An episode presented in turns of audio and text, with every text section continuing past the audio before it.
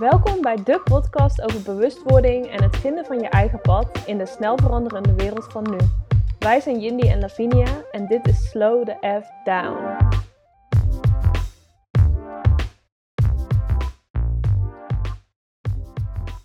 Jindy was verliefd op Jack Bearcat van All Time Low en wilde hem met niemand delen. Toen ging Lavinia op Hives op een filmpje commenten dat Jack tijdens een concert in de Melkweg zijn plektrum niet naar Jindy gooide, maar naar haar. Wat een bitch. Een paar jaar later sloot Jindy vrede met Lavie via Twitter. Tien jaar later beginnen ze samen een podcast. ja, zo ging dat. ja, want één komt het andere en nu zitten we hier. Ja, dat is toch mooi zo uh, gekomen eigenlijk. Nadat ik in eerste instantie dacht dat jij gewoon een bitch was. ja, precies. ik was wel echt een bitch. Als ik daar nu over nadenk, denk ik, ja, waarom moet dat nou? Waarom moet ik nou allemaal geluk verpesten? Dat slaat toch helemaal nergens op. Dat is precies wat ik toen dacht. ja. Ja, het is echt heel grappig, want ik dacht dus eigenlijk, jarenlang mocht ik jou niet. En dan zag ik je bij concert en dacht ik, uh, dat is saai. ja, maar dat hadden we eigenlijk misschien wel met meer mensen. Want wij gingen heel veel naar concerten en soms was die sfeer toch wel een beetje gek, vind je niet? Ja, je, je kende allemaal mensen ja, via internet dus eigenlijk. Via ja. Hives in eerste mhm. instantie en later dan Twitter ook en soms zelfs Tumblr. ja, Tumblr. Oh mijn god, ik prachtig dagen door op Tumblr. Waar is dat gebleven zeg?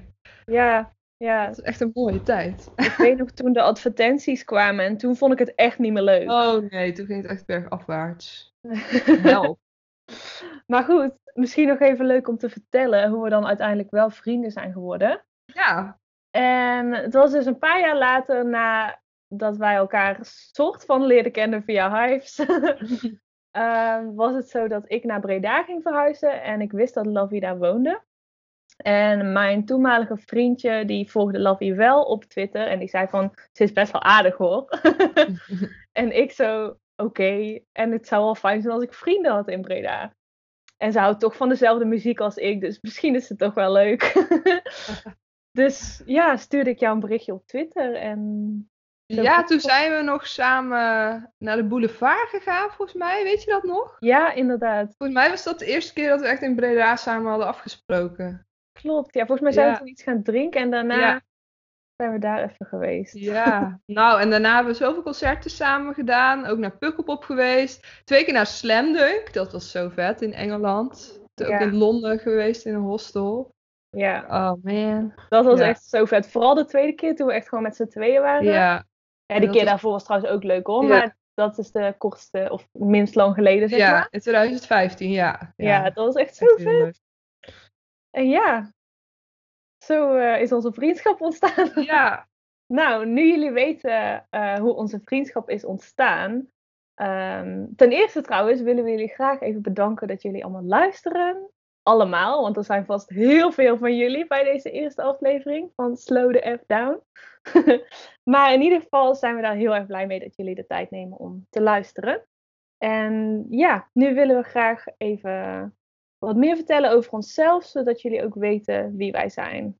En Laffy gaat daar nu mee beginnen. Ja, ik zal een beetje over mezelf vertellen. Ik ben uh, eh, 25 jaar. En ik ben opgegroeid in Breda. Daar heb ik tot mijn achttiende gewoond. En toen ging ik studeren in Utrecht. Toen heb ik daar ook op kamers gewoond in Zeist, in een studentenhuis.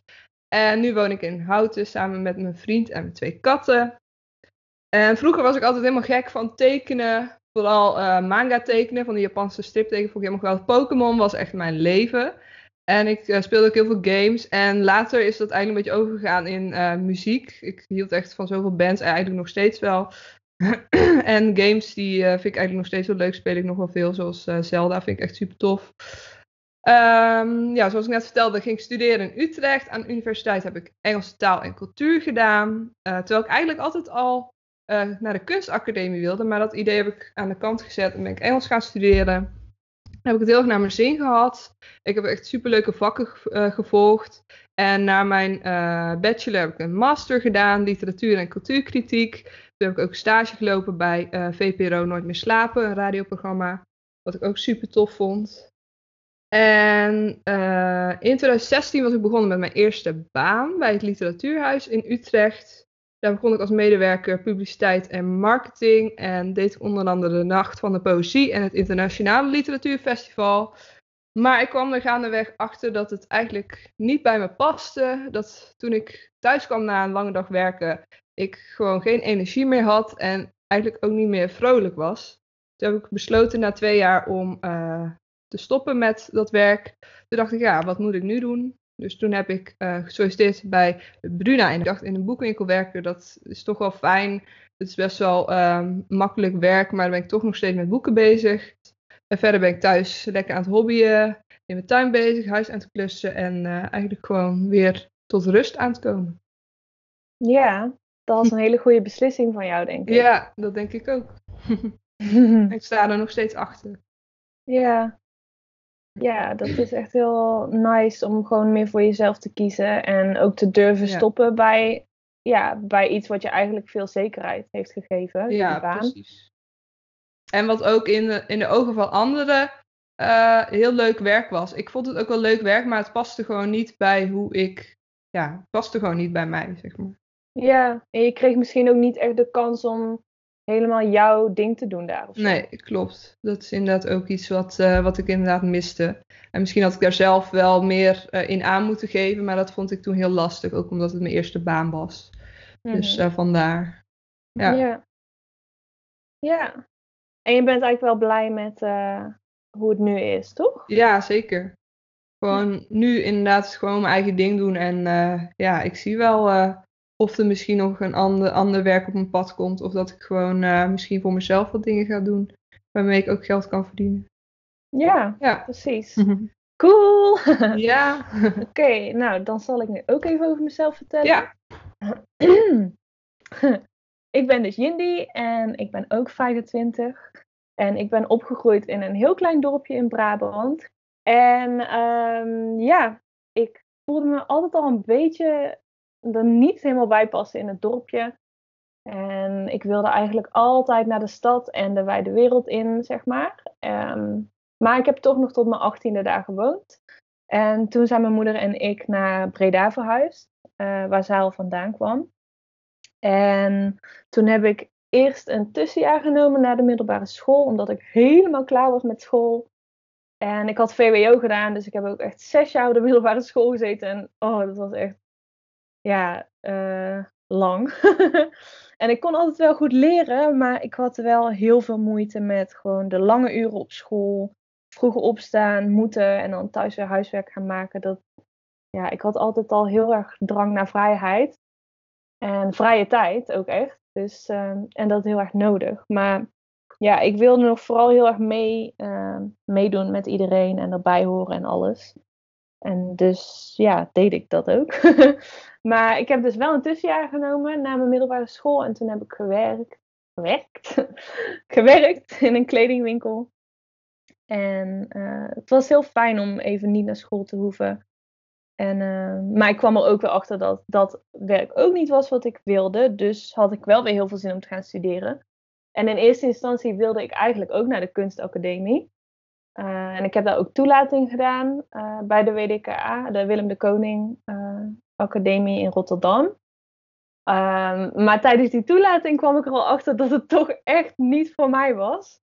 Want iedereen ging allemaal aan de slag met verf en veertjes en stokjes. En ik had niet eens een etui meegenomen. um, dus ik had eigenlijk geen flauw idee waar ik mee bezig was. En ik was natuurlijk ook uiteindelijk niet toegelaten.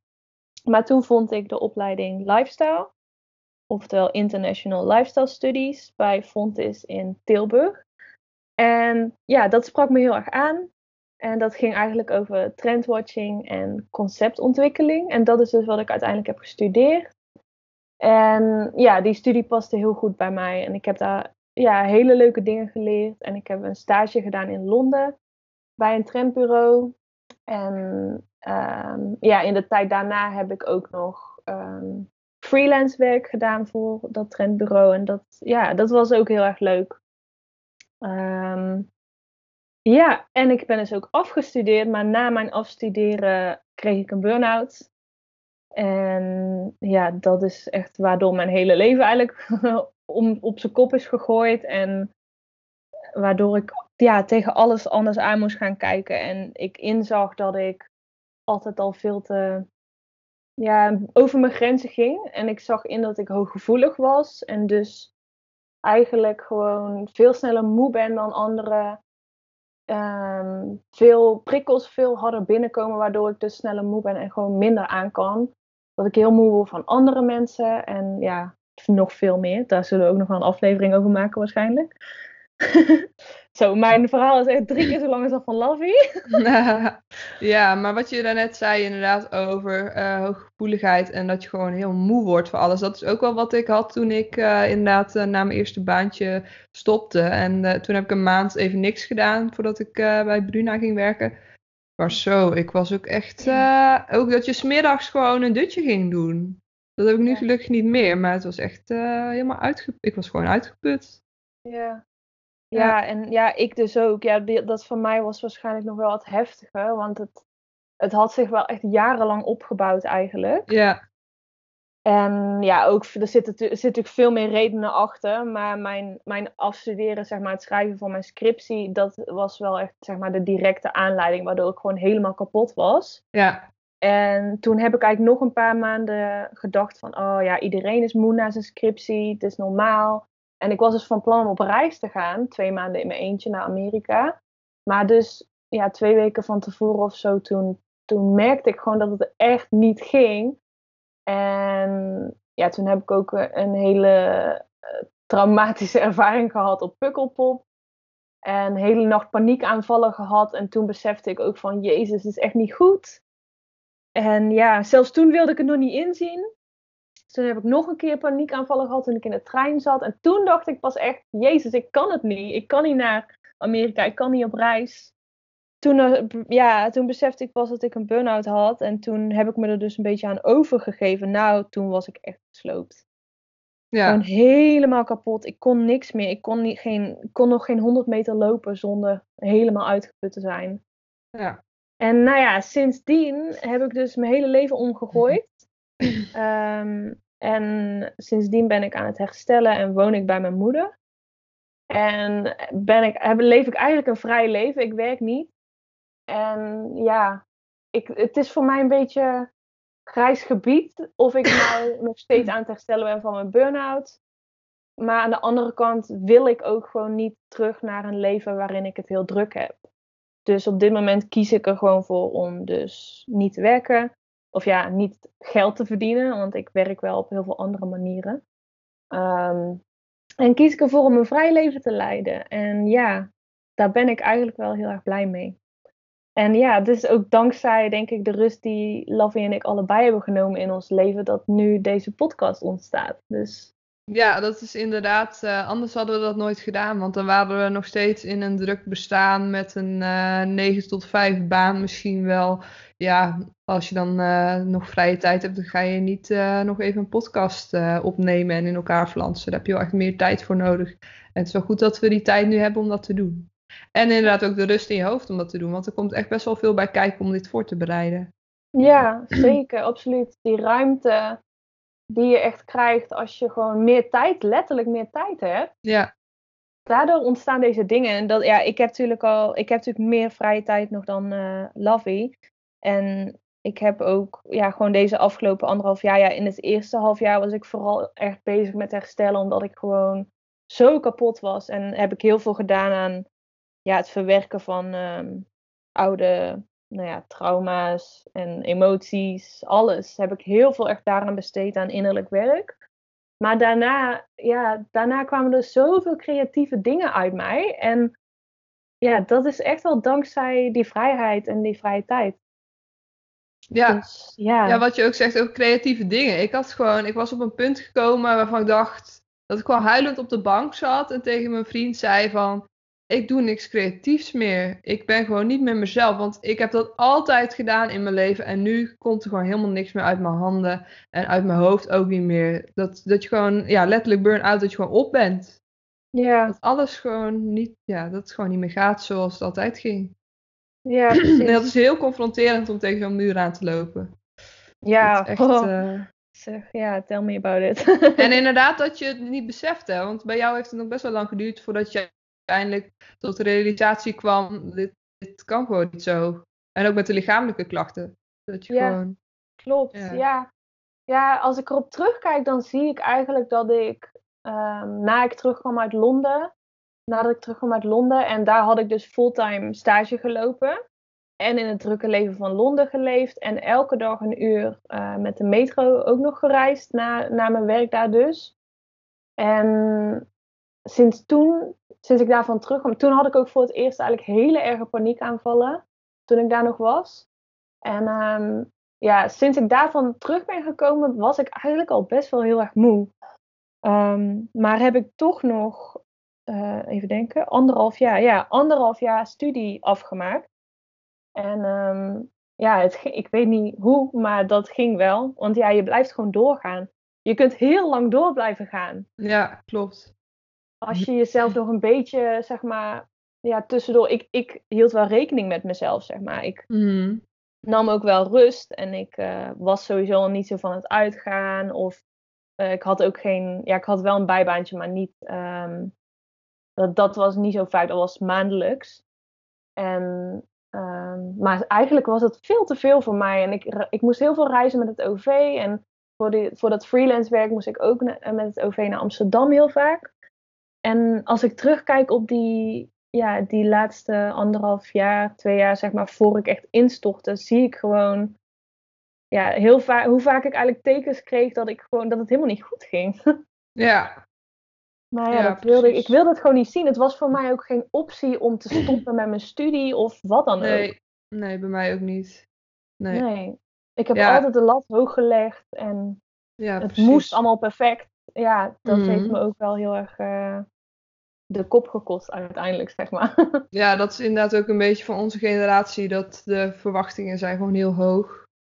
En dat heb ik zelf ook gehad toen in 2012 mijn moeder is overleden aan de gevolgen van darmkanker. Dat was eh, aan het begin van mijn studie dat de diagnose kwam en een jaar later, aan het begin van mijn tweede jaar, was ze dus overleden.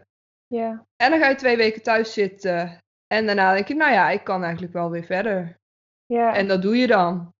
ja. En je houdt je groot en je bouwt een muur om je heen. Maar dan een paar jaar later, dan denk je van, ja, oké. Dan Je heb je eigenlijk het niet, je hebt er niks mee gedaan. Ja, ja En, ik heb dus eh, dat. ja. eh, oh, wil je nog iets zeggen? Zeg maar. Ja, dat was in 2014 dat ik ook rijlessen ging nemen. En dat was echt zo zwaar voor mij. Ja? Ja, ik vond dat echt, eh, dat ik ook een keer huilend in de auto zat van, ik kan dit gewoon niet.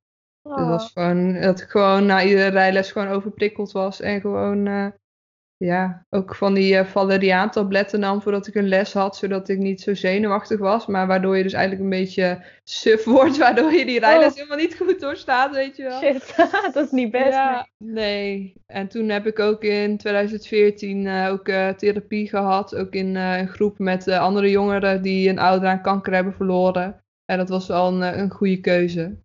Mhm. Maar er zaten soms ook wel mensen bij waarvan ik dacht, ja, die zitten nog wel dieper, eh, dieper erin dan ik.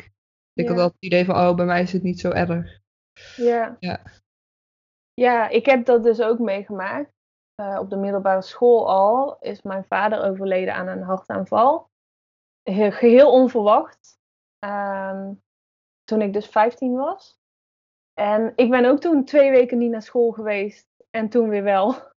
Ja, En heel mijn school afgemaakt met perfecte cijfers en weet ik veel wat allemaal. En ja, en mensen vonden het dan al raar als ik ooit een dagje thuis bleef, omdat ik me gewoon kut voelde.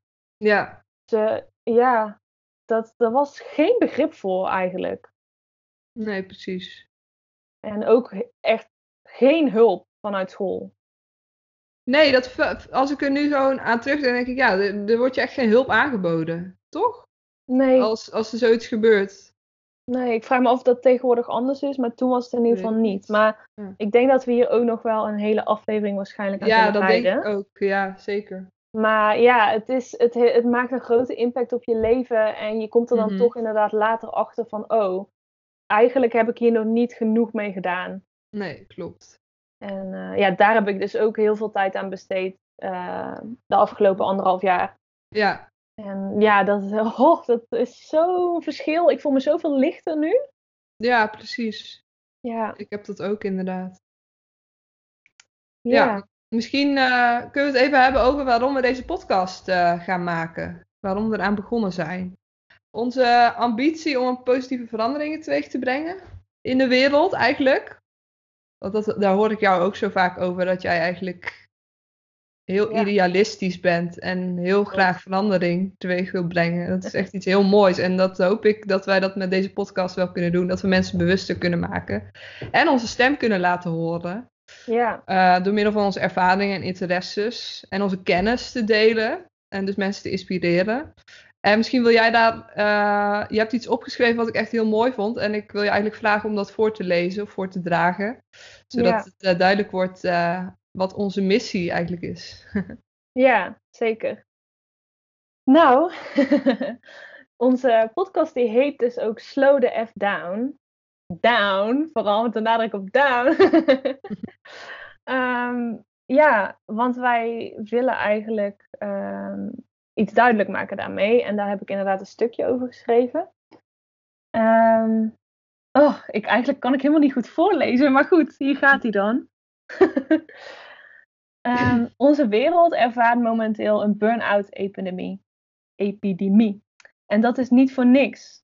Vele jongeren en mensen in het algemeen blijven maar doorstomen tot ze erbij neervallen. De hoge eisen die worden gesteld in onze maatschappij vragen veel, te veel van mensen. En dat komt dan weer voort uit het kapitalistische systeem, wat alleen maar gefocust is op constante financiële winst tussen aanhalingstekens en groei. Ook tussen aanhalingstekens. Hè? maar het is onmogelijk voor een economie, onmogelijk voor wat of wie dan ook, om alleen maar aan één stuk door te groeien. Als je verwacht dat een economie alleen maar groeit in plaats van dat het op een steady level blijft, wat werkt voor iedereen, dan is het logisch dat het op een gegeven moment ten koste gaat van iets. En op dit moment gaat het ten koste van veel. Onze hele leefwereld, de natuur, de dieren, de planeet, alles wordt uitgebuit om dit systeem in stand te houden. Niet alleen mensen in arme delen van de wereld zijn hier de dupe van. Nee, ook het rijke Westen. Want niemand kan dit tempo en deze manier van leven vol blijven houden. Iedereen is alleen maar meer, meer, meer gaan werken. En we lijken onze kern kwijtgeraakt te zijn. Door alleen maar te streven naar succes in de vorm van geld en bezit. Voor jongeren in deze tijd is het helemaal moeilijk, omdat de druk nog sterker gevoeld wordt door het vergelijken van anderen met anderen via social media. En ook doordat je bijvoorbeeld geen studiebeurs meer krijgt. Je druk, de druk is enorm. En daarom krijgen zoveel mensen ook een burn-out. Alles, scholen, werk, het hele systeem moet weer teruggericht worden op de mens. Want nu gaat het alleen maar om productie. Winst zou uitgedrukt moeten worden op een andere manier dan alleen maar in geld. Winst zou moeten zijn dat de kwaliteit van leven van mensen en dieren hoog is. En dat de aarde zelf gezond is. En dat mensen gelukkig en gezond zijn. Dat is belangrijk. En wat het systeem tot nu toe heeft opgebracht, is het tegenovergestelde daarvan. De destructie van de planeet, dieren en de mens zelf. Dit is dus waarom wij de boodschap brengen: slow the F down. Doe eens rustig aan. Waarom hebben we allemaal zo'n haast? de hele wereld heeft het nodig dat er langzamer geleefd wordt. Want dat betekent ook dat er niet alleen maar constant keihard gemassa produceerd wordt, maar juist dat dingen de tijd mogen hebben. Want daarmee creëer je juist kwaliteit. We moeten een enorme switch maken met z'n allen en daar kan ieder individu aan bijdragen door zijn eigen rol te spelen in dit proces van bewuster gaan leven. En je af te vragen, wat maakt je gelukkig? In plaats van, hoe kun je zoveel mogelijk geld verdienen? Dus het is onze missie om onze luisteraars te inspireren te kiezen voor hun eigen geluk, gezondheid, vrijheid, hun eigen leven. En niet blind volgen wat zogenaamd de enige manier is om je leven te leiden in deze maatschappij. Wij promoten leven vanuit je hart en doen wat jouw vreugde brengt. En stop giving a shit what other people think. ja, ja, dat was hem. Dit is zeker de kern van uh, wat we willen ja, overbrengen met onze podcast. Ik vind dat je het echt heel goed hebt opgeschreven. En het, ja, als ik dit zo hoor, dan denk ik, het is toch gewoon common sense. Dit wil toch iedereen? Ja, dat denk ik ook altijd. Ja, je wilt toch gewoon liefde en dat iedereen gewoon in harmonie samenleeft. En dat, je niet mensen uitbuit en kwaad doet. Ja, Ja, en I dan is know, het zo deprimerend om te zien dat dat wel nog steeds gebeurt. Ja, maar het, het ergste is ook dat dat altijd benadrukt wordt. En dat Ja. er nooit in het nieuws komt van vandaag waren zoveel mensen gezellig samen tandjes aan het maken of weet ik veel wat. Ja, precies. Ja, nieuws is ook altijd een uitzondering op wat er altijd speelt. Ja, Meestal negatief en sensationeel. ja, sensatie. Sensatie! Terwijl het leven is niet per se sensatie. Nee, Als je daar Nee. ook je geluk aan wilt ophangen, dan kom je er al snel achter dat dat eh, niet is hoe je kan blijven leven. ja, dat is zo waar. Want je kunt nooit alleen maar op een high eh, blijven zitten in het Nee. leven.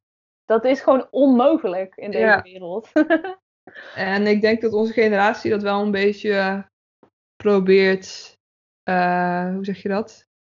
Ja, Leven. na te leven inderdaad. Ja. ja, zeker door social media, omdat gewoon alleen maar de leuke momenten worden gedeeld. En Ja, het is ook heel moeilijk om dat niet te doen, want ik doe het zelf ook. ja, Ik deel ook alleen maar iets als ik denk, dit is leuk om te delen. ja, klopt. En daardoor ga je dus naar mensen hun, eh, hun feed kijken en dan denk je, dit is hun leven, maar dat is gewoon niet. Nee, het is gewoon een afspiegeling van wat zij kiezen om te laten zien. Ja.